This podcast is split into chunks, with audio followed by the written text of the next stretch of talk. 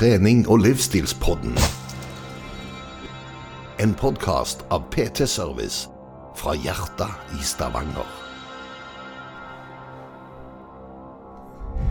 Hei og velkommen til trening- og livsstilspodden med meg, eh, Lloyd Georg Færvik. Og Anders, jeg er på igjen. du er med. Du Ja, er med. ja. Det, det, som forrige uke. Jeg har på en måte gleda meg til dette her igjen. Nå har vi jo to dager i uka hvor vi er sammen. Dette er på en måte en av de. Hva gjør vi på, på dag nummer to? Og vi spiller. Vi spiller. Vi spiller ja. data. Mm, Og vi er voksne folk, og vi er stolte av det. Mm -hmm. uh, og det er noe med det der greiene der. Det er uh, jeg, jeg tror det er, det er viktig å gjøre ting en syns er gøy. Uh, og vi syns dette er gøy.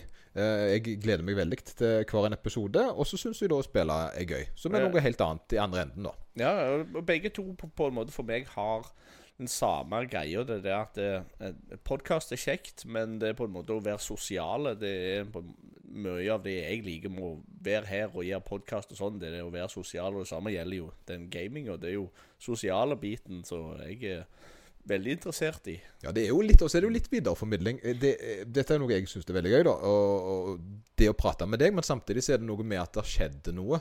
Og det å videreformidle hva som har skjedd denne, denne uka, det syns jeg er litt sånn fint. Eh, for da får jeg på en måte Akkurat som jeg får prosessert det på en litt annen måte. Du sitter en spennende kakeoppskrift, og så velger du å lage den. Det, det er litt sånn det føles, dette her. Ja, jeg, har akkurat hørt om det. Prosessering av ting. Og det, Hvis du har hørt om Huberman Lab, det er òg en podkast. Oi, oi. Ja, ja, ja. Han òg snakker om eh, prosessering og prosessering i drømmer. Eh, da du kanskje ikke analyse, overanalysere de forskjellige drømmene, men hvorfor hadde du akkurat den drømmen der? Han snakker mye om hormoner, og så snakker Ja, han mye ja, ja. om tidligere opplevelser. Og det, og det, men òg det å snakke om det sånn som vi gjør. Jeg er enig i at jeg kjenner litt at de tingene jeg har lest, ved å snakke om det, så eh, prosesserer jeg det på en litt annen måte. Og når jeg får input fra deg eh, som eh, likt, eller kanskje et annet syn på det jeg har lest. Så det å komme her og snakke om det på en måte Ja, sant? Det blir litt sånn, men Man får en liten sånn talerør på det, og så blir det jo litt sånn Ja, det sånn informativt. Så det er gøy. Så det, da koser vi oss. Uh, har du uh, blitt kjendis i Oltedal siden sist? Nei. Nei. Uh, men jeg tror ikke det er mulig å bli kjendis.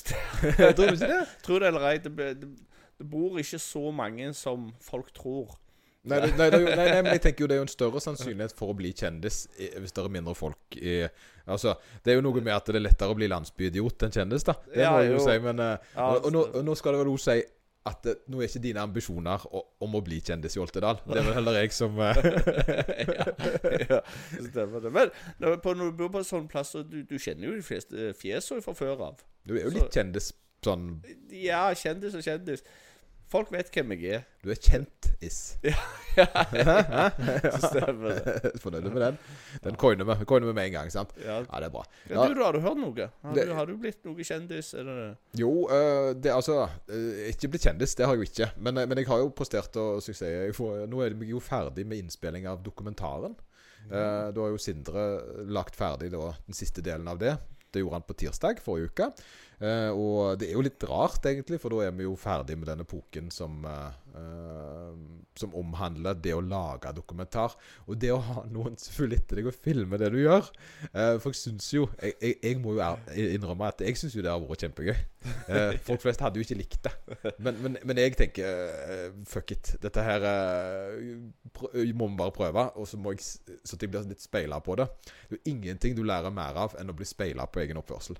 Eh, og, og jeg får jo egentlig bare en sånn, en sånn psykologi eh, Jeg må ha noen psykologistudenter til se den der dokumentaren og fortelle hva som er galt med meg, da. Men du kjente noen tidspunkt at du var litt redd for å gjøre noe feil når han fulgte etter deg og filma deg? Eller? I starten så gjør en det. Ja. Uh, men det er jo det som skjer. Det er at Gjør du det ofte og lenge nok, så mister du jo det. Uh, og da blir du jo mer deg sjøl. og da blir det mer naturlig, og da blir det bedre.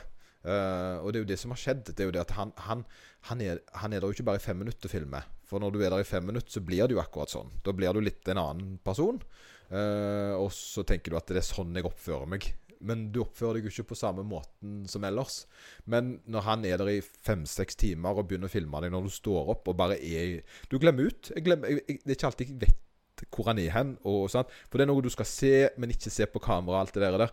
Men så er du plutselig bare helt lost i det. Jeg tenker, jeg kan forstå at det kunne vært litt sånn Det å være Big Brother, f.eks. At de, eh, at de glemmer ut at de har kamera på seg. Eh, jeg, det var jo en eh, serie jeg på TV tidligere som heter Brannstasjonen. Ja. Og Der òg hadde vi kamerafolk som fulgte etter oss hele tida. Og jeg kjente det at det, da òg var det litt sånn som du sier, i starten så var jeg litt sånn Fasiken, nå håper jeg ikke jeg gjør noe feil. Men så etter hvert så tenkte jeg Er det kamera som skal gjøre at jeg er redd for å gjøre feil? Jeg, bør, jeg bør jo ikke gjøre så voldsomt mye feil uansett. Nei, nei, som person, det er litt sånn uh, det, det, Jeg vet ikke om det blir sånn, men, men jeg blir jo alltid redd når jeg ser politi. Uh, jeg har jo aldri gjort noe ulovlig. Men tenk om de tror det. Altså, skjønner Ja. Du Du Ja, får litt sånn usikkerhet når du ser politi. Men jeg vet ikke hvorfor. Alltid blitt litt sånn utrygge på det. Uh, men så har jeg jo blitt bedre med årene, da. Men en er gjerne redd for å gjøre noe feil akkurat da. Ja, men det, sånn som jeg tenker på politiet Jeg kjenner jo mange politier. Vi jobber jo i sammen, ganske tett i sammen med politiet. Og sånn som jeg tenker på politiet, så er det men altså, de, de er med. Altså, det er nødetat. De er med på redningsarbeid, de er med og hjelper. Det er jo det de skal gjøre. Og så er de på en måte den uh, altså, de, de som skal hente folk da, hvis de har gjort noe galt. Eh, og det er jo ofte det foreldrene sier til ungene sine. 'Hvis ikke du er snill nå, så kommer politiet og henter deg.' Ja. Så jeg tenker Jeg vet ikke om det å skremme ungene med politi At det gjør det bedre når de blir voksne. Nei, nei, du burde gjerne ha en litt bedre øh, altså, Ha en litt respekt for det de gjør. Og, og jeg ser jo det nå. Samtidig For de politifolkene som jeg har truffet, er jo folk flest, ikke sant? Men, og, og i de rollene de har vært i, så har det jo vært for å hjelpe. Det er jo klart, det. Men, men det ligger liksom noe i øh, rett i redselen av å gjøre noe dumt akkurat der og da. Og spesielt hvis du ikke gjør det ellers. Ja. Eh, så kan jeg tenke deg. Jeg vet ikke, men, øh, men, men det litt av dette her med at når en, hvis en er rundt politifolk ofte, så vil det regner jeg jo med at det forsvinner. Ja. Man ikke jo, rundt, absolutt. du jobber, jobber som politimann, og så er du livredd for å bli tatt. Skjønner du? ja. Nei, det er så mye politi her inne. Kan du tenke deg eh, verre scenario enn det. Jeg tror det, kanskje det er litt redselen for det ukjente. For det at folk, folk er naturlig nok skeptiske litt grann til det som er ukjent. Og så har de hørt ting, og så har de så Derfor så blir de automatisk litt nervøse i møte med politiet. Hva, hva kan de gjøre nå? Men i realiteten så det er jo ikke sånn. Du bør Altså, nesten jeg- ha gjort noe før eh, de kommer og tar deg. Er Jeg tror nok Ja, de fleste politiene ønsker så langt det er mulig å, å være snille. Eller Ja, ja. altså, de prøver seg Det er jo folk. Folk, det Sant, det er folk flest, det er helt sant. Det går iallfall rykter om det. Uh, Jo, eh, jo nei, det har vært det har vært ei begivenhetsrik uke. Det har det, altså. Jeg eh, hadde jo for to uker siden et, eh, et uhell når jeg drev på med Var med på triatlon. Og, og jeg hadde jo da trodd at det var en lett ting å fikse. Jeg Leverte inn sykkelen på reparasjon etter en Tønsberg triatlon. Eh, Men så viste det seg jo da Jeg fikk et vet, når, når sykkelreparatøren ringer istedenfor å sende melding skulle, Jeg skulle egentlig få en melding der det sto eh, 'Kom og hent, ferdig'. Eh, når de ringer istedenfor. Så det, de også, eh, jeg, Det er litt alvorlig. Jeg tror du må komme inn. Du må komme, ja, men det var litt sånn. Det var litt sånn Jeg begynte litt sånn 'Sitter du?' Eh, så, så Ja eh, Har du eh, jeg? Har du litt Har du noen minutter? så, har du noe i hånden å holde i? Og så fikk jeg beskjed om at uh, ramma på sykkelen var ødelagt.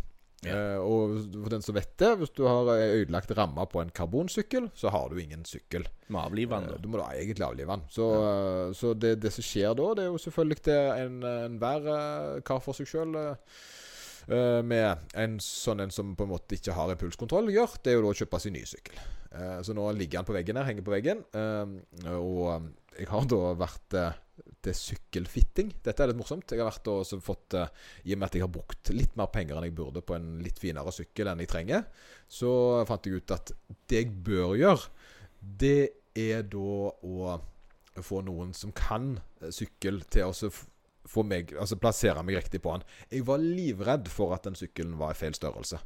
Sant? det er jo noe, men, men det var han ikke. Problemet derimot det var at dette var jo en hoftespesialist. Eh, han som da drev med dette sykkelgreiene. Han var litt usikker på hva uh, rolle han hadde, men han var iallfall spesialist på hofter, blant annet, av utdannelse, da. Og drev på med sykling som en hobby ved siden av. Så han hadde på en måte innreda kjelleren sin hjemme. For også. han var veldig kjent for å være den som fikser eh, bikefitting for syklister. Og triatlonutøvere. Eh, og eh, da kom han jo til meg. og det som er da, det er at uh, han begynte jo å måle meg litt opp for å finne ut hvordan jeg skulle sitte og sånn, og sjekke hoftene mine. Og så ble han jo litt uh, sånn Er du klar over at du er litt uh, skeiv, f.eks.? Uh, og ikke sånn, sånn pride-shave. Uh, det er gratulerer med månen, skulle jeg si. Vet ikke hva det sier med det. Uansett, gratulerer med Det er pride-måned, vet du. Mm. Ja, Så ikke sånn, men uh, at jeg var rett og slett det, det var stor forskjell på lengden på beina mine. Og da tenkte jeg nå har vi en som skal prøve å selge meg produkter. Eh, og det er det verste som fins. Fordi jeg har nemlig ingen problemer med eh, sånn som jeg er. Altså, det vil si, jeg har lite skader, og selvfølgelig litt snacks her og der. eh, Det er alltid noe. Men, men jeg føler på en måte ikke at det er noe galt. da For da, sant? Jeg har tilpasset meg ting. da Men det var ikke det han ville. Uh, han hadde ingen ambisjoner om å selge noe som helst til meg. Uh, han ville bare forklare meg det at uh, jeg hadde 1,5 cm forskjell i beina, som er ganske mye. Eh, medfødt. Og det var noe galt med hoftene mine. Ah. og og eh, det stemmer jo, når jeg tenker over det. Jeg har alltid hatt utoverroterende hofter. Ekstremt ut som cowboygange. Uh, og jeg, det har jo syntes, jeg syns det er litt kult. Uh, men det viser seg at den skal jo ikke være sånn. Og det er jo noe som egentlig burde vært oppfanga når jeg var ung og operert. Så i alder av 42 så finner jeg ut at det er noe alvorlig galt med det i tillegg, da. Um, og, men OK, jeg lever godt til tross. Uh, problemet er bare det at eh, Helt riktig, det er en ulempe for meg når jeg skal sykle. Så Derfor så var jeg nødt til å gjøre masse endringer på sykkelen som jeg gjerne ikke en normal person hadde trengt å gjøre. Så han hadde ingen eh, videresalg, eh, tankegang rundt det. Han bare påpekte noe som jeg, han burde, synes jeg burde sjekke opp i. For han hadde aldri i sitt liv sitt lignende. og det går du tassende rundt og tror du er unik, og så er du det. ja, det stemmer. Hvis du lukker øynene og går rett fram, og du går ring, da. Eh, Ja, hvis jeg hadde hatt Ja, altså, jeg går sideslengs. Jeg er krabben. Oh, ja. Det er jo det utoverroterende hofter, vet du. Ja, ja. Ja, ja, ja, ja. Det er sånn det er. Eh, utenom uh, deg og Jeff Bazer som med han Zuckerberg, hvor mange kan kjøpe sånn sykkel? Oi. Fordelen med er jo at det er ikke nødvendig at det er nytt. Uh, og da finner du jo kanskje noe heldig på Finn. Så, så jeg har jo da vært også i, i, og kjøpt en proffsykkel av eh, brukt av en som var drittlei av å sykle. Eh, og det er jo et ganske fint folkeslag, fordi de eh, de ønsker jo egentlig mest å bli kvitt det pga. alle de vonde minnene de har hver gang de ser sykkelen. Så de har ikke lyst til å tjene penger på det. Uh, så han her var mer opptatt i å bli kvitt sykkelen. Han var faktisk så opptatt i å bli kvitt sykkelen at han var villig til å levere den til meg på døra fra Gandal. Bare sånn at jeg kunne få prøve den, så hadde han slapp å se den dumme sykkelen mer. Uh, og, så det er en, en god sykkel, og klar da til Ironman i Sandnes på Ja. søndag. som Eh, til sånn, hvis, jeg, hvis jeg har lyst til å satse på uh, triatlon, altså, eller sykling uh, Altså, hvor, hvor høyt nivå skal jeg Hvor mye litt skal jeg ha til sykkelen? Hvor- hvor- Ja, og sånn, ja. ja og husk det at eh, de som kjøper dyrt utstyr, de gjør det fordi de ikke har talent. Nei, det, Grunnen til at altså, det, er, sånn, det er en reise. Um, en, en bør jo ikke starte en triatlon med det beste, og råeste utstyret. Som oftest så kommer jo folk inn i triatlon enten via svømming, sykling eller løping. Sant? At det, er jo, det er jo en idrett der du egentlig bør være god i en av de fra før av. Nå er jo jeg selvfølgelig litt um, et unntakstilfelle der, og har da på en måte kommet inn via styrkeløft, som er en helt annen retning. ja. eh, som egentlig ikke gir meg noen fordeler, sånn sett, bortsett fra at jeg sikkert har mer i benken enn mange. Ja, At, eh, nei. Iallfall mange av løperne, da, vil jeg tippe. Ja. Så, så, men det hjelper ikke så veldig mye utenom at eh, eh, jeg har noe å skylde på når de springer forbi. Um, men eh, men eh, sånn ut ifra det så begynte jeg jo med en sykkel til 5000 kroner, og den fungerte veldig fint i mange år, den, altså. Eh, og så er det jo samme med våtdrakt. Det er jo ting du kan arve. Så, så, så du trenger jo ikke gjøre det så dyrt, men det er jo sånn med interesser, da. At når det først blir en interesse, så ønsker du gjerne å sette deg inn i det, og så blir det en sånn en reise. Og, jeg, og jeg, for meg så er jo det litt av opplevelsen. Det er ikke bare det å være på triatlon den dagen, men òg da ha en ny ting å glede seg til. sant? Uh, eksempelvis i går så var jeg ute med og svømte. Og da hadde jeg sønnen min med som eh, drone- og kameraansvarlig. Så han fløy drona mens jeg svømte. eh, og tok bilder med kamera. Og I mellomtida så satt han på YouTube og koste seg. da Hadde egentlig en ganske fin eh, dag. Ja. Så han syns jo det er gøy. Det er litt viktig å si. Eh, han får, sant? han syns jo det er gøy å fly droner og alt dette her. Og det er jo sånn litøy som han har lov å fly. Men, men det er jo et aspekt av dette her så mye gir meg glede etterpå. For Det er jo ingenting med trening å gjøre, men det har jo da på en måte med den uh, mediedelen som jeg syns det Det er også på en måte å ha litt kule videoer og bilder av det. Eh, og i går så sykla jeg eh, Ironman-ruta på Jæren sammen med en kompis som jeg ikke har truffet på ja, siden ti år. Sant? Eh, og meg og han da har, lo jo litt. Fordi med Dagfinn han kjenner vel du til Daffy fra når vi ble kjent på, som i utebransjen. Ja. Eh, han hadde da blitt trebarnspappa siden sist. Uh, sånn som alle har, skulle jeg til si. Du har jo to, og jeg har jo to pluss bonus. Uh, og um, det var liksom litt rart at vi da plutselig skulle sykle på Jæren i 26 plussgrader en junikveld. sant? Ja. Men sånn er det. Sånn er livet. Og så plutselig så er dette kjekt. Det er noe som jeg aldri hadde sett for meg den dagen vi satt og drakk Fanta på nachspiel i, i Sandnes. Nei, det stemmer det. Jeg, jeg kommer litt tilbake til det, det du snakket om å ta med ungen på dette. her For jeg, jeg syns det er en positiv ting, ikke bare på altså, filming og sånn. Men hvis ungen trives med f.eks. å være med på treningsstudio Jeg syns det ser rimelig greit ut. Jeg er ofte med mine unger på treningsstudio. Uh, hvis jeg skal trene, og de finner et eller annet kjekt de kan holde på med der inne, så lenge de ikke plager noen andre, da. Ja, ja, for det, altså, jeg, jeg tenker Det kommer litt an på treningsstudio. da Hvis det er et hot, hipt, uh, yngre studio for, uh, liksom, ja, for yngre, da så, så, så ser jeg jo for meg at de gjerne kan føle seg Men føle seg litt brudd av det. Så det er jo gjerne å se litt viben i senteret. Men vi har f.eks. et senter der 30 pluss, der de fleste enten altså, har unger. da Uh, og, og, og der er det jo vanlig at noen har med seg barna sine på trening. Ja. Uh, fordi sånn, vi er voksne, og de fleste av oss har et eller annet forhold til det. Så, så det er klart at eh, Sånn ut ifra for det, så vil jeg tenke at de aller aller fleste voksne syns jo bare det er kjekt å så Mm. se unger som koser seg. Det er jo en fin sånn en eh, Altså, jeg syns det er fint. Ja, ja, ja. Er, men Eh. er, det, er det et treningssenter som har barnehage?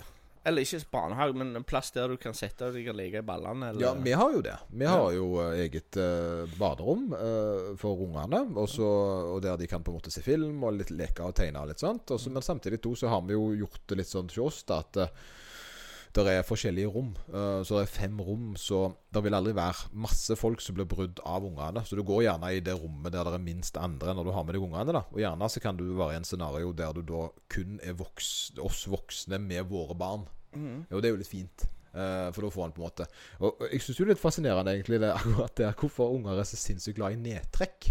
Eh, nedtrekk og tricepsmaskiner, det er de kjekke. Det der henge i veier, det er alle unger elsker.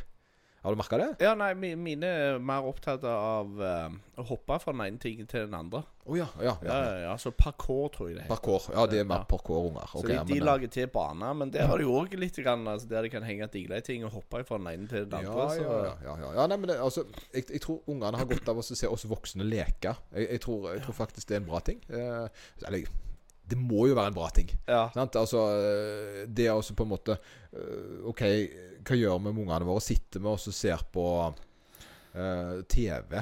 Sant? Det er jo noe vi gjerne kan kose oss sammen i sofaen en gang iblant. Men det å være ute sammen oss Jeg tror Ja. barna syns det er veldig gøy også å se hva vi voksne gjør på fritida. Eh, for det, ellers så gjør vi jo bare ting med eller for de. Sant? Og dette er pappa sin tid, sant? og han gjør det. Og, da vil, og det tror jeg gjerne ungene kan sette veldig pris på. Og så blir det litt sånn um, Det å se pappa svømme, f.eks. Mm. se at pappa svømmer i Stokkavannet, kan, kan nok være en sånn fin følelse av at unge Aktiv far. Sant? Og de har jo aktiv mor i tillegg. Og, og, og jeg tror det setter litt premiss om at det er sånn det er.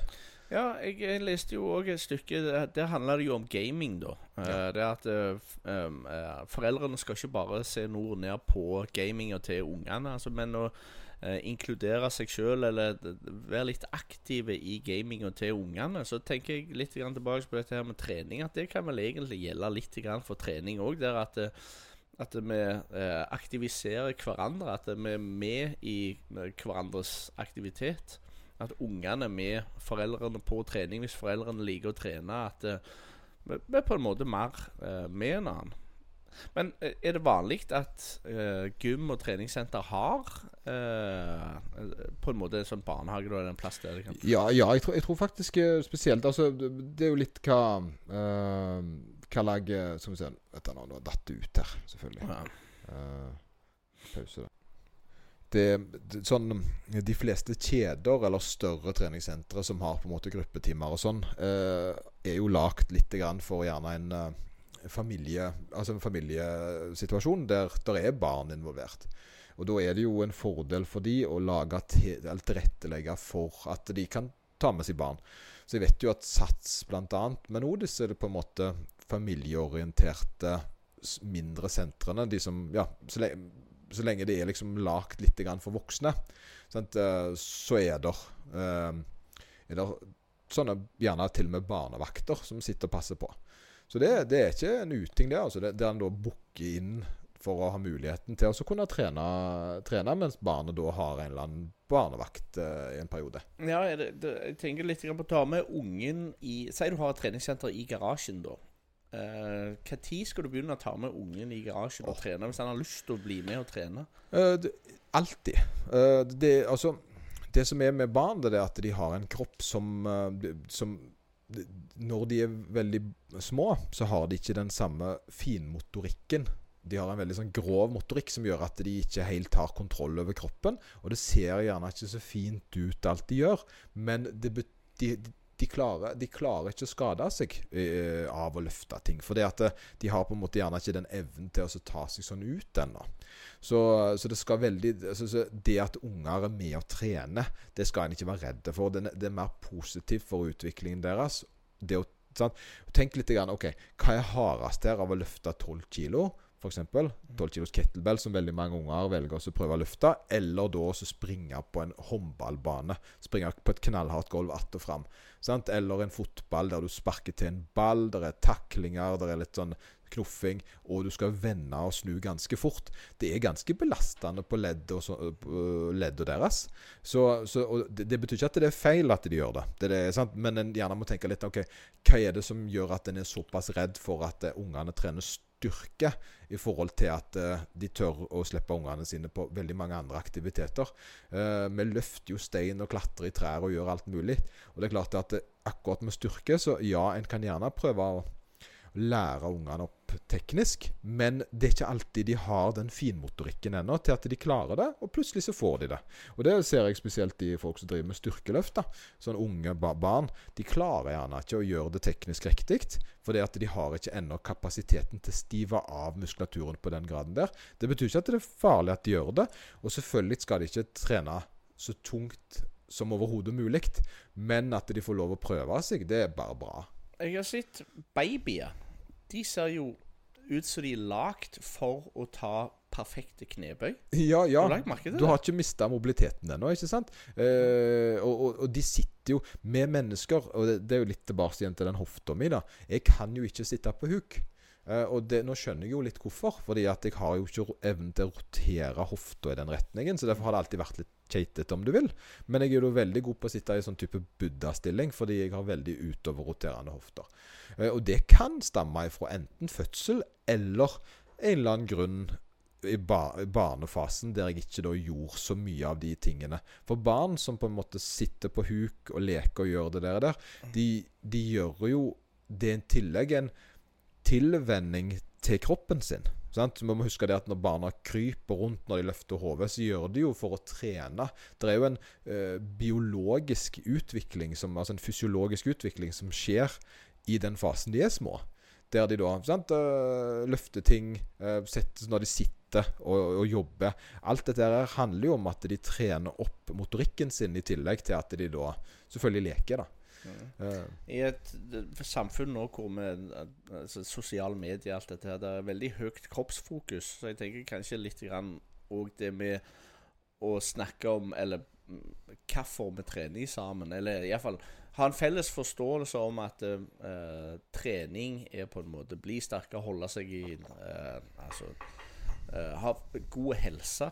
Skal Ja, du ja. snakke med ungene om det, sånn at ikke kroppsfokuset blir veldig dominant så tidlig. Ja, for den der er vrien, syns jeg. Fordi at jeg, jeg, har, jeg har ennå ikke helt klart å bestemme meg om hva jeg syns er riktig retning. En skal gjerne ikke fortelle ungene at de altså Selvfølgelig skal en ikke fortelle ungene at de er overvektige og sånt. sånt at de at det, det, Hvis de spiser for mye av det, sant, så hva er det rett hva er det rette å si, da. Men, jeg, men jeg, jeg, tror jo at det veldig mye Det handler jo litt om kunnskap. At du kan Altså en porsjonsstørrelse. Lære barna om porsjonsforståelse og sånt. Tror ikke jeg egentlig er feil, men så er det jo den der hårfine balansen mellom da å være litt hysterisk samtidig som en på en måte prøve å lære de kunnskap. da. Eh, for det er jo veldig mange som sitter i andre enden og så tenker de, hvorfor gjorde ikke foreldrene mine noe? Hvorfor stoppet de meg ikke, på en måte? Det er jo det gjerne en hører. Uh, men så gjorde kanskje foreldrene det, men de visste ikke helt hvordan de skulle formidle det, uten at de skulle da fortelle at dette er ikke bra for deg. Uh, for alle barn vet at det, er ikke, det, er ikke, bra å spise for mye snop, men så er det jo det at sant? Hvorfor? og hva skal en si? Den er ja. kjempevrien. Eh, for en bør liksom ikke si til et barn at Ok, hvis du trør i det der, der så, så, legger du på deg. Uh, det, det som òg er det, hvis du sier det på den måten der, eller sånn som dette, det, det fins jo uh, en del uh, overvektige folk. Sånn at ungen vil jo automatisk da tro at det er noe negativt. Denne personen har gjort noe feil. Han har valgt å gjøre noe feil hele livet sitt.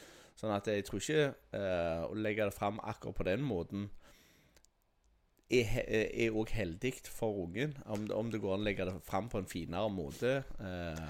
Jo, for vi har jo det der med, Så det andre er jo det med fatshaming, som mm. er et gjerne et litt vanskelig tema. Det er jo det at det, Altså, hva skal vi si, da? Uh, vi ønsker gjerne å ha god helse, men samtidig så er det jo mange grunner til at folk går opp i vekt. Det kan jo være sant, psykiske grunner, det kan være at de ikke har det så bra, det kan være sant, og, og, og ofte òg til og med at det er kunnskapsløst. At det er at de ikke vet at konsekvensen av handlingene sine har ført de der de er. Og så vil de ikke være der, men så vet de ikke helt hvordan de kommer seg ut av det. Men samtidig så er det jo det Det finnes jo folk som på en måte øh, ikke bryr seg.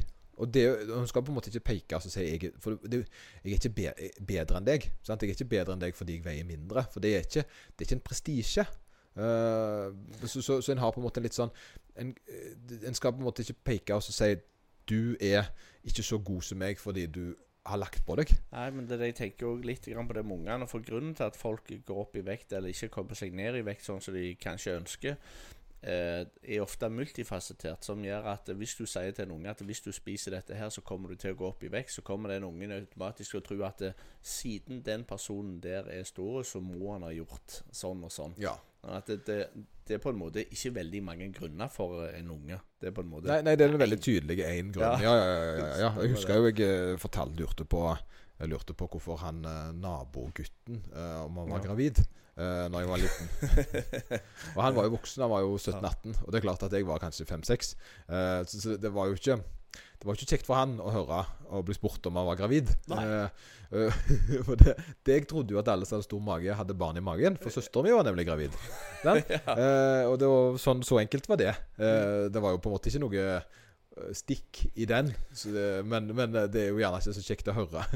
men, men, sier du det til dem da? Eller venter du til de finner ut av det sjøl, og så prøver du å geleide dem? Ja, tenker med barn? Ja.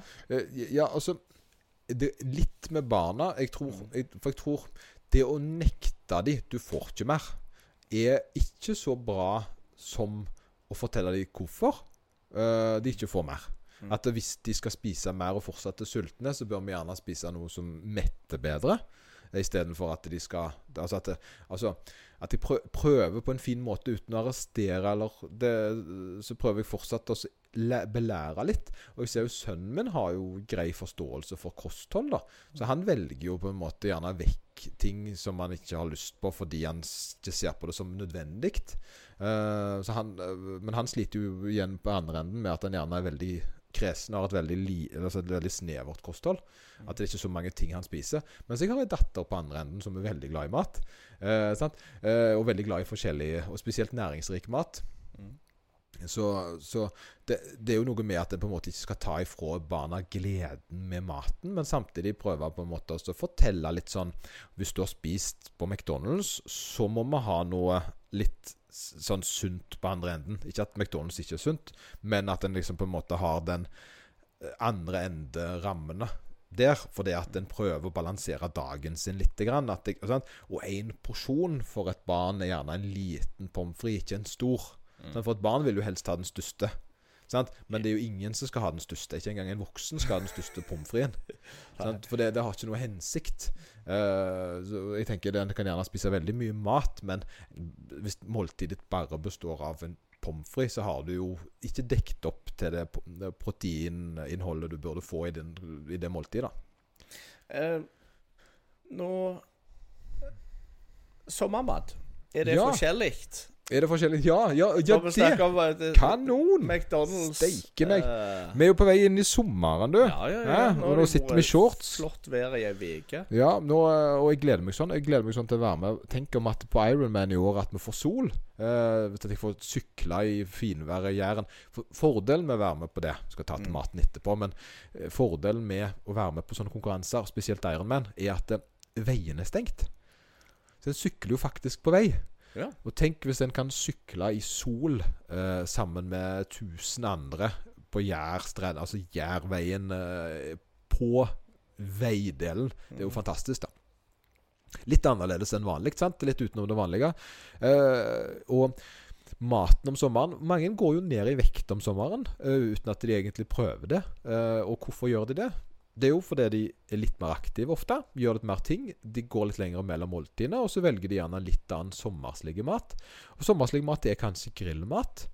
Eh, så en endrer gjerne litt vanene sine når, en, eh, når du da plutselig begynner å spise ute, eller gjør det. Og det er jo en fin ting. Nei, Hvor mye har svettinga bety?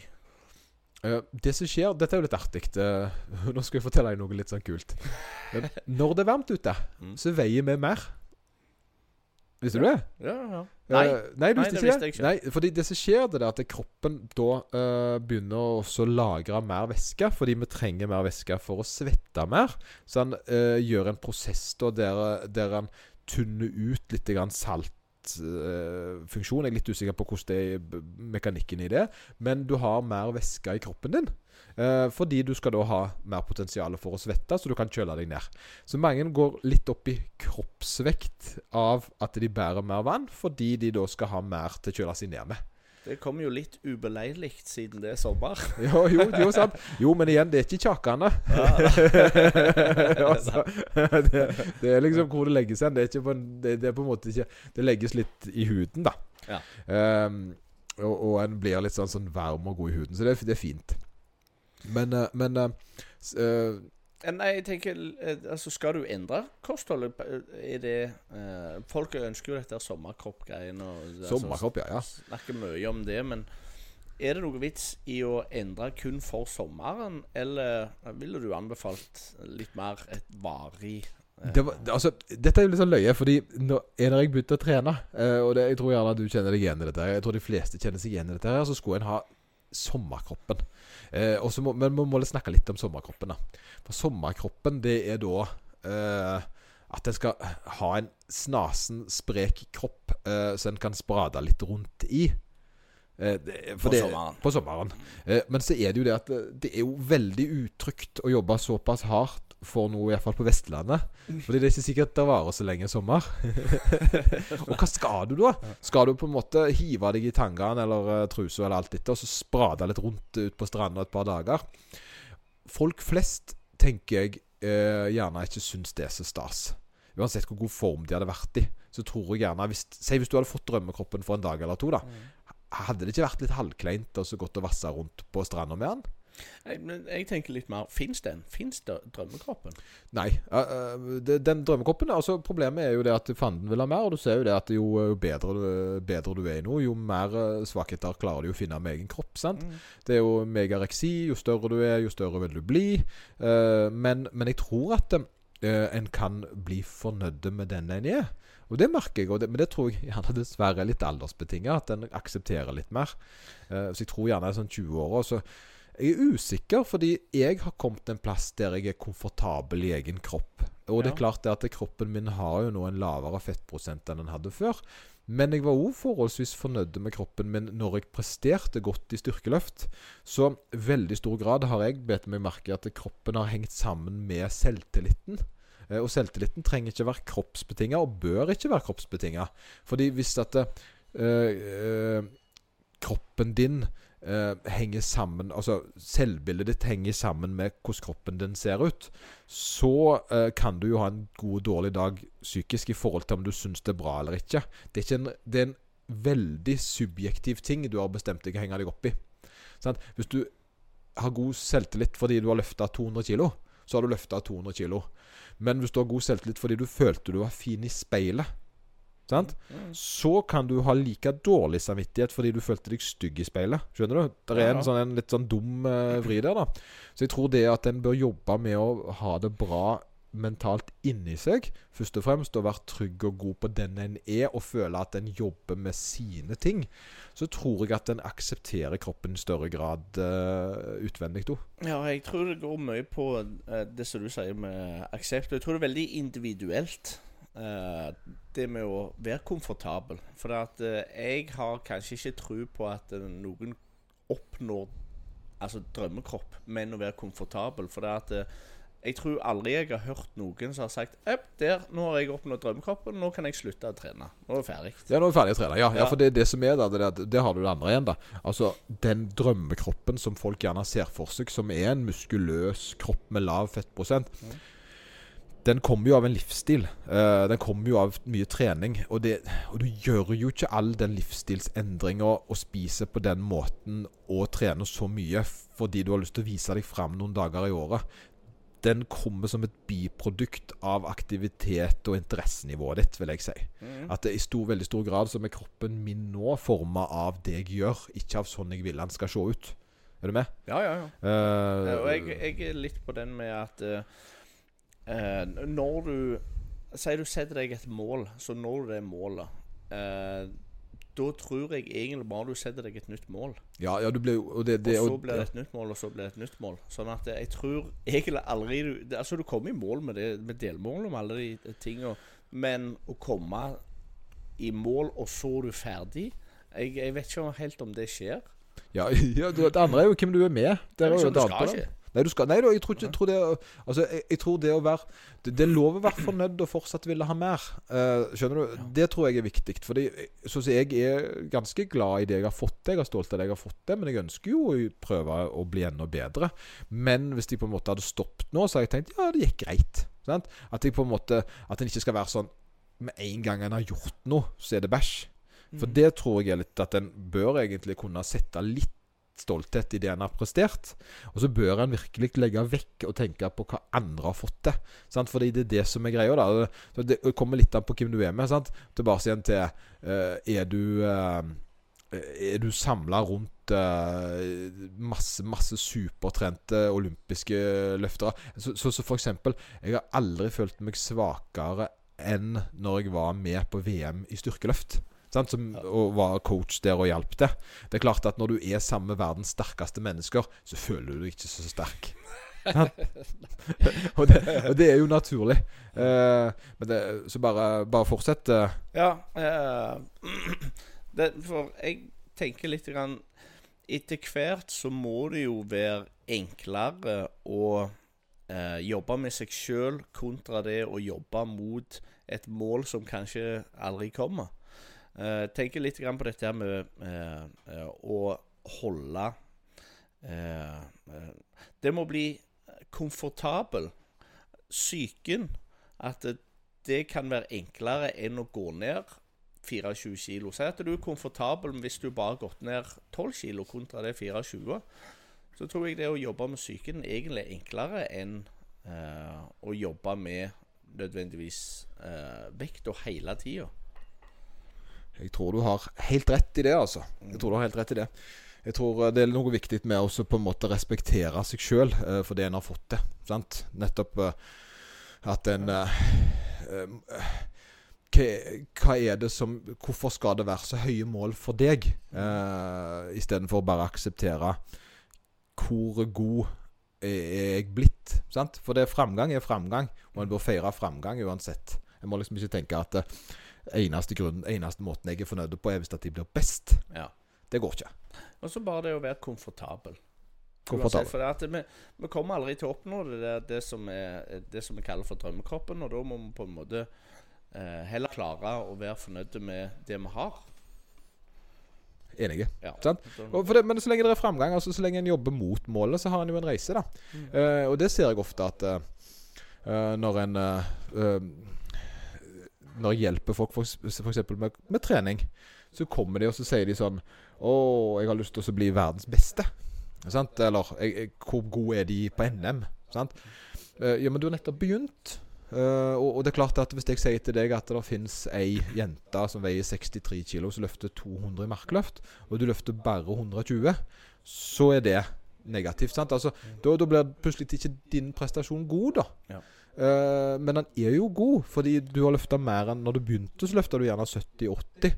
sant? Da, da har på en måte du har hatt en utvikling, og, og må en virkelig bli best i forhold til andre uh, for at en sjøl skal bli fornøyd med sin egen reise. da. Det er, der er så mange aspekter med ditt liv som gjerne ikke er likt andre sitt. Ja, ja. Du- Og så tenker jeg på en, eh, reisen som den andre personen har hatt. Du ser ikke nødvendigvis den.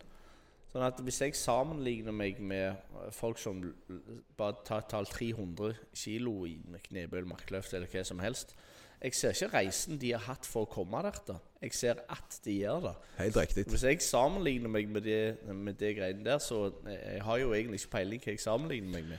Jeg har lyst til noe som er ganske usannsynlig pga. at jeg har ikke hatt samme reisen. Ja, du, og du har gjerne ikke lyst til å legge inn det samme giret heller. Nei, For det er jo det andre igjen, eh, som en gjerne glemmer når en ser disse ekstreme tallene.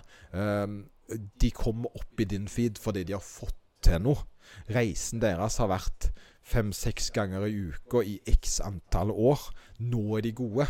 Men før de var gode og kom inn i din feed, så visste ikke du om de. Hvorfor er de blitt så sterke så plutselig? Nei, de har ikke blitt sterke så plutselig. De begynte i 2008. Sant? Eh, og de har da, mens du gjerne har holdt på med litt forskjellig studier, skole, jobb, barn, så har de vært seks dager i uka og spesialisert seg innen én ting. Eh, fordi de har hatt en litt annen livsstil enn du, deg, da. Eh, og, og, da og da setter du din, all din mestring på den ene tingen de er gode i. Sant? Ja. Uh, Istedenfor å tenke jeg har masse fordeler som jeg er god i på meg. Eh, Min reise og hva jeg kan. Jeg kan ikke bare gjøre den delen, jeg kan gjøre masse andre ting som også er viktig. Så en må på en måte prøve å tippe litt den der vektskåla i forhold til seg sjøl, og være, være litt snillere med seg sjøl. Mm. Eh, jeg tenker, Er det sunt eh, å fokusere veldig mye på trening og på kosthold? Det er for bedre enn andre ting. Altså Det er bedre enn narkotika. Eh, Ja. sant? Eh, men, eh, men det er jo sånn Altså, trening kan være veldig sunt. Eh, og, så kan det òg bli veldig usunt, eh, fordi det kan bli en manisk reise for noen. Eh, men ofte så ser en gjerne at personligheter som Personligheter som har veldig av den her evnen til å bli avhengige. da Folk som har holdt på med narkotika og sånn. når du slutter med å ruse deg og slutte med en avhengighet, så kan du finne på å putte det inn i noe som er bedre. Uh, på en måte, altså trening. At en blir på en måte veldig oppslukt i det, og det fyller det hullet som du gjerne har skapt. Og da kan det gjerne bli veldig, uh, veldig voldsomt. Men samtidig så er det mye bedre enn det var før.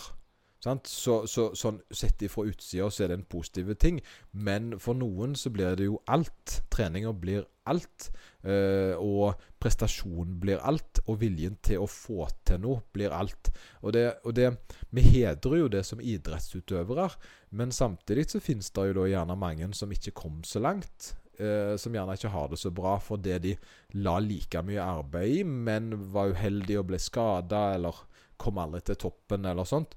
Og de har gjerne på en måte en litt sånn Føler seg gjerne litt mislykka, selv om de tross alt fikk veldig mye til.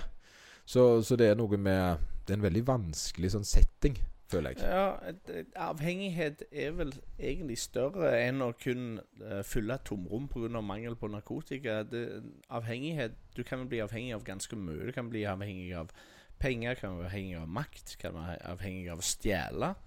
eh, være Det, det er massevis form for avhengighet. Jeg tror treningsavhengighet òg er en av de tingene der. Når er det usunt? Det er jo når du skader deg på det, eller det går utover eh, deg eller dine rundt deg. At du på en måte legger så mye ned i det at det, det, det går eh, Det ikke lenger eh, Altså at det ikke lenger bidrar til et sunt miljø for deg eller de rundt. Eh, når du på en måte gjerne har tippet såpass over at alt og alle du kjenner, blir påvirka av det du holder på med. Så kan Kjenner, kjenner, kjenner du det igjen sjøl? Eller altså, ikke sånn at du kjenner det igjen, men altså Si at du har en avhengighet opp imot trening. Trenger du at noen gir beskjed til deg, eller vil du kjenne det igjen sjøl og så finner ut at Vet du hva? Det, et godt spørsmål. For det, altså, det, det, noe av det vanskeligste en kan gjøre, er jo også å se seg sjøl på utsida. Uh, og det er jo det en trenger gode venner for. En som forteller at du, uh, skal ikke gjøre noe litt kjekt nå, du kan ikke bremse litt ned. Kanskje uh, nå, nå, ser jeg at du er veldig stressa. Nå ser jeg at det er veldig oppslukt i dette her. Um, nudge de litt i riktig retning, da. Og så si at nå For det, en, kan stå og spinne litt. Grann, sant? En blir gjerne litt låst i Jeg merker jo det sjøl, at jeg blir jo veldig oppslukt i det meste jeg holder på med. Det er litt sånn personlighetstrekk. Eh, og, og, da merker jeg jo veldig det. Selvfølgelig ser ikke jeg så godt at jeg er så intens i det. Men jeg har òg noen tells som på en måte eh, hjelper meg å fortelle at eh, her nå, Lloyd, nå holder du på med å gå i sirkel. Nå, nå må du koble av.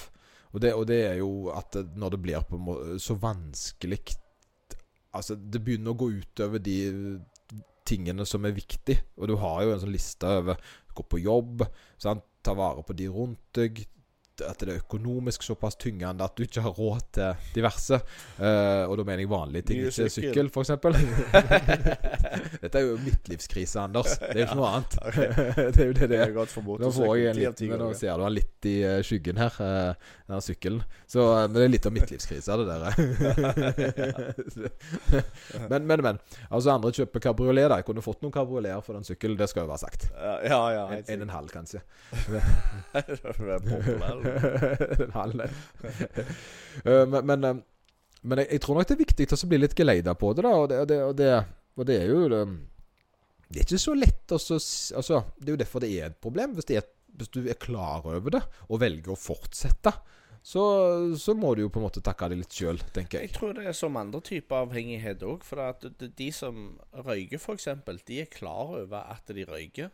Og de er klar over at det er et problem men de har store vansker med å slutte. Og det er ikke bare det fraværet fra nikotin, men det vanen de har uh, eh, tilegna seg. Ja, for jeg, jeg har røkt uh, back in the days, og du har jo røkt uh, back ah, ja. in the days. Uh, og her er en ting som jeg tenkte For jeg tenkte her en dag, for dette skjedde.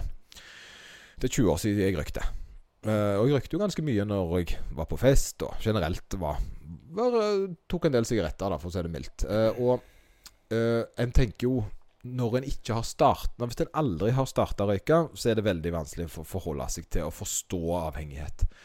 Men jeg tror den som har slutta å røyke, øh, den, øh, den, forstår det veldig godt. Det er nok Det er ingen som hater røyk mer enn folk som har slutta å røyke. Og det som er litt rart, og som er litt viktig å huske på, at nå er det 20 år siden jeg slutta å røyke. Sant? Men f.eks. når jeg sykla hjem eh, en fine dag nå i juni, denne uka her, så kjente jeg at jeg hadde lyst på en røyk.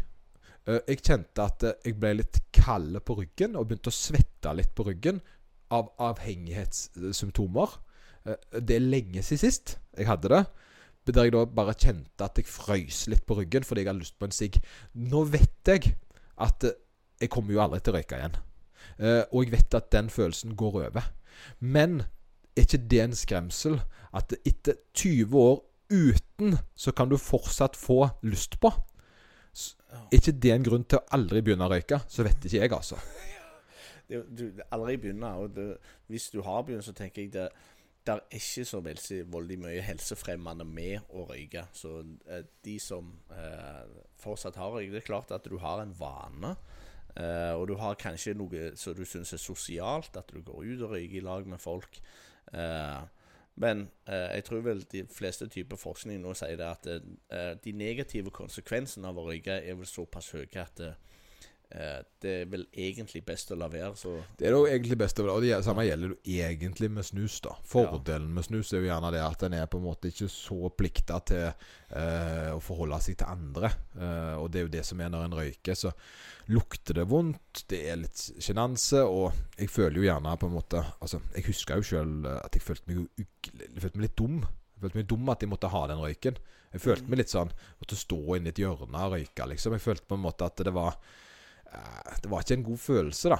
Uh, og så og, og det, så jeg er veldig glad for at jeg klarte å slutte. Men, men sånn treningsmessig, det som jeg har lest da i forhold til er, trening ødelegger det for, for trening, så er det styrkemessig så har ikke uh, røyk så mye negativt å si, faktisk.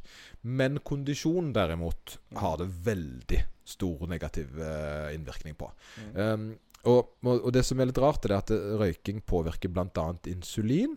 Eh, som gjør at du blir dårligere til å få inn eh, glykogen og diverse inn i Altså at du henter inn igjen energi etter trening og litt diverse.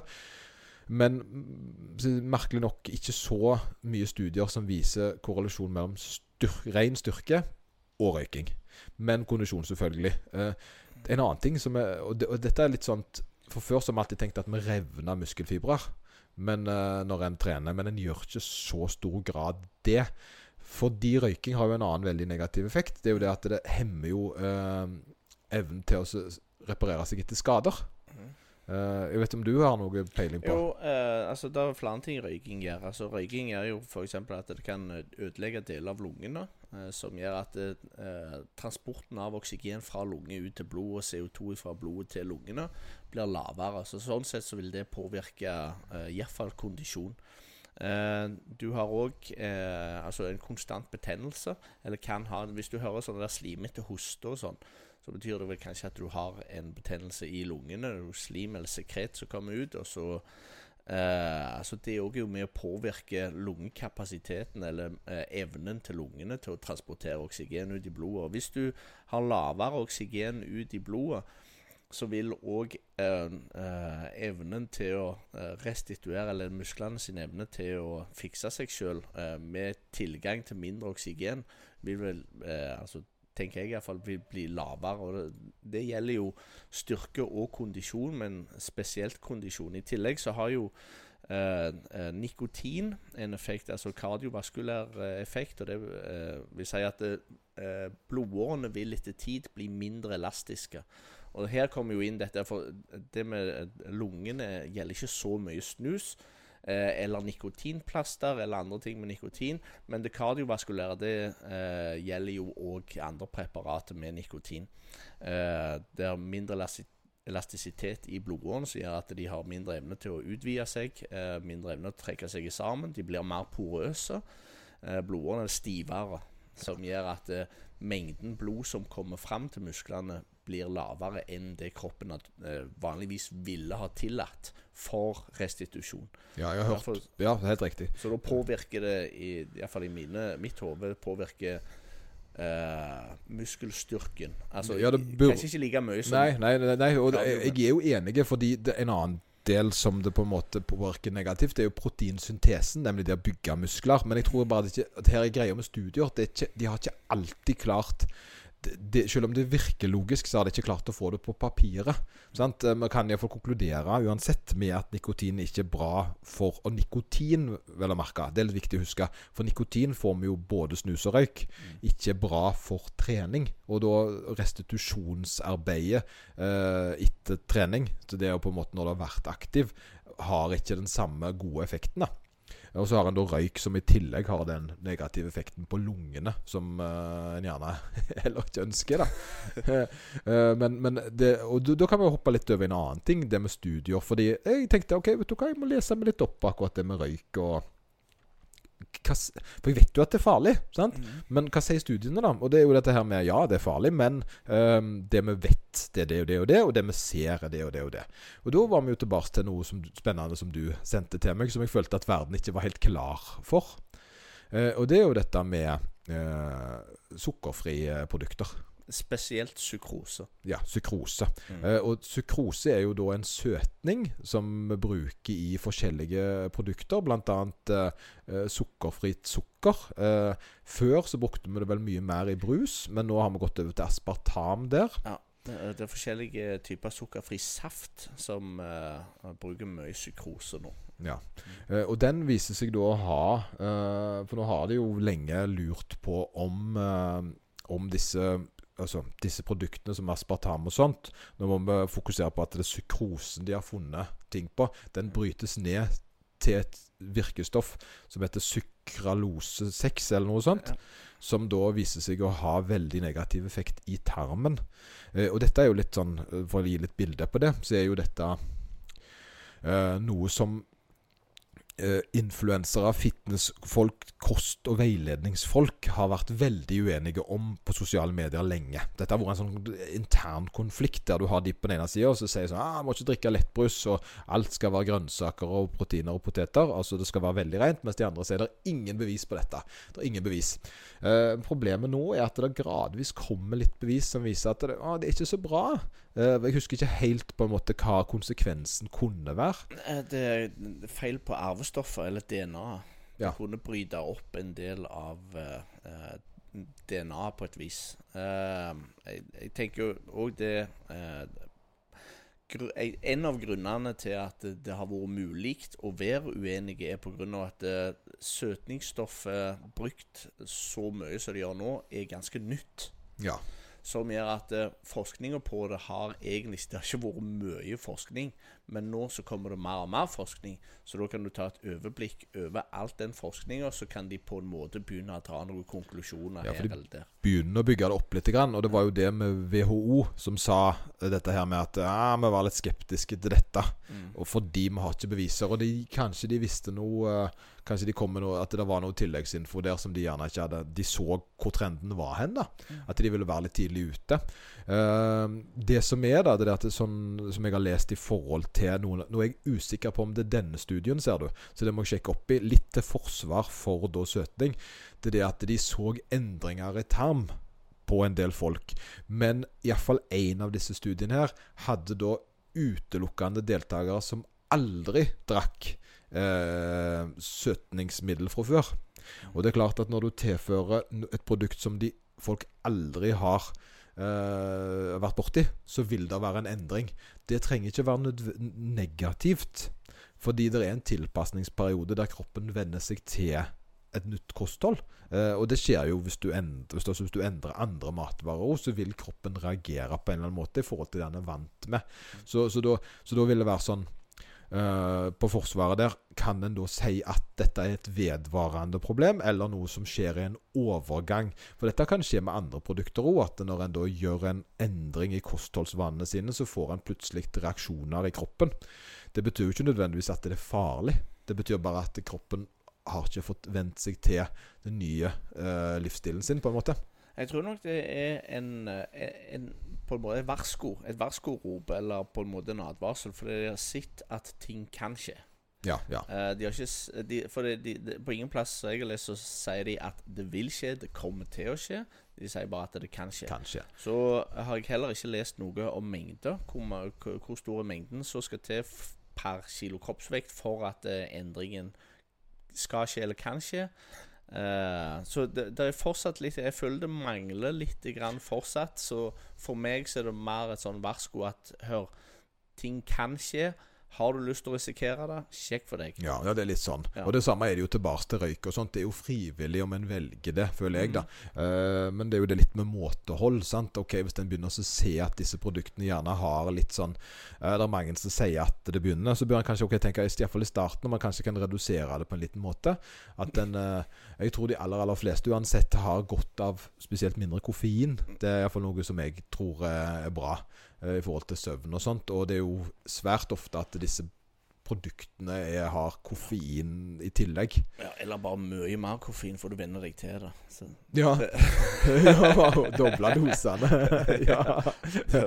Men, det, nei, men, det, men det er spennende, og det er jo noe vi, vi i hvert fall skal følge litt med på. da Ja, Men vi har ikke bestemt oss ennå. Jeg kommer fortsatt til å drikke både Monster og Red Bull jeg, eh, en periode til, men jeg begynner jo også å kjenne litt på Ok, hvis det hvis det begynner å stekke seg opp, og det viser seg at dette her kan ha veldig negative effekter for uh, akkurat noe arvestoff. Nå er jeg ferdig med den delen, men, uh, men det Ja. betyr jo gjerne at det har Ja. andre negative effekter i tillegg. Ja.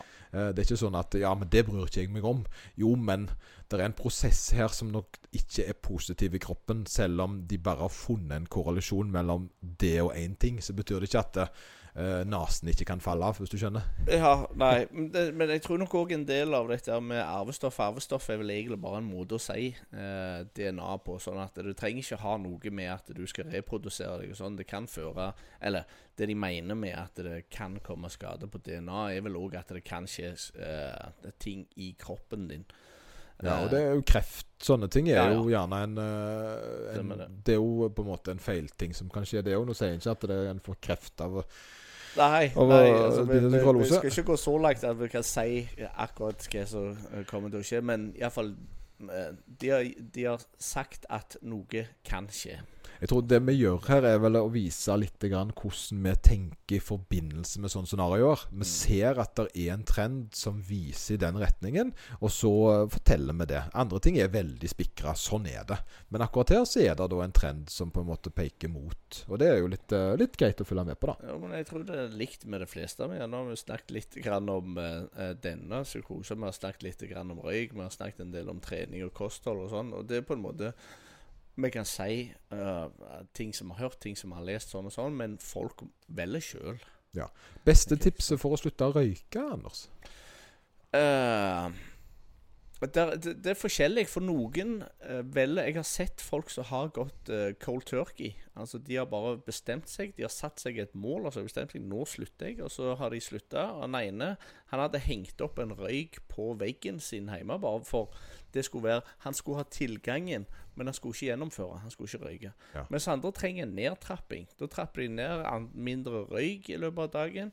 Og så er det noen igjen som bare går over på andre produkt, som eh, snusing eller nikotinplaster og sånn. sånn. Så det, det er litt individuelt hva som er den beste måten. Jeg tror ikke du finner én beste måte for alle. Nei, det. Folk må på en måte finne litt ut av det sjøl. Ja, sant, ja, veldig godt. For det, dette er jo litt det samme tilbake til kosthold. da Hva er den Mm. perfekte måten å gå ned i vekt på? Den måten du trives med. Ja, Den som du føler rette for deg. Sant? Og det er det som er det, det at eh, målet skal jo være at du har det bedre i andre enden. Eh, Mhm. hvordan du kommer dit, kan faktisk prøves litt fram, da. Eh, det som jeg tror gjerne en kan på en måte ta litt sånn eh, av, avlednings, avledning, avslutningsvis, Mm. det er jo eh, en sånn en ting som jeg tror er veldig viktig å huske på. Fordi nå hjelper jo jeg en del folk å trene eh, og gå ned i vekt. Eh, og det er et par sånne setninger som jeg tror eh, gjerne går litt Gjerne, en trenger å høre. Og det er det med det å gå ned i vekt, eller gjøre en livsstilsendring. Eller å slutte å røyke. Eller disse tingene. Så eh, må en huske at eh, det er ikke sånn at du tar et valg nå, og så fungerer det for resten av livet. Eh, du må øve på det nye valget ditt. Eh, og hvis du vil ha en, eksempelvis en livsstilsendring med kosten din, så kommer det til å ramle av. Du kommer til å ha gode og dårlige perioder. Men med, på samme grunn som at vi trener Vi trener jo på å bli bedre. Så må du se på dette med, med denne endringen som en trening der du skal bli såpass god at du vedlikeholder det arbeidet uten spesielt mye innsats. Men å forvente at du skal klare å snu livet ditt opp ned på ett forsøk, det er gjerne ikke helt realistisk. Noen klarer det selvfølgelig, men gi deg sjøl såpass slack sant? at det, det er lov å bruke litt tid på å få til en ting. Det er lov, det. Jeg, det, det høres ut som det var innøvd. For knytta så mye sammen. Det er, det er 20 år siden jeg har røykt. Jeg kjenner røykesuget ennå. Trening er livsstil. Det, det, er vel, det er vel den der gamle, gamle nissen eh, som eh, på en måte prøver å spy av seg litt. Ja, sånn, ja, eh. ja, det høres innøvd ut. Det var bra. ja, ja, ja, men Jeg tror det mest vi må Skal vi avslutte med den? ja, avslutte med vi Å, det var godt. Men da er det bare, som jeg alltid sier, lik og del. Uh, syng og Altså Vi elsker feedback, eh, og vi elsker gode anmeldelser. vi elsker Hvis det folk har noe spesielt de ønsker oss at vi skal snakke om, så er det bare å gi beskjed. Så, eh, så tar vi oss og fyrer inn. Eh, Generelt, hvis det er noen eh, Vis interesse, og så er det gode greier. God helg, Anders. God helg, ja.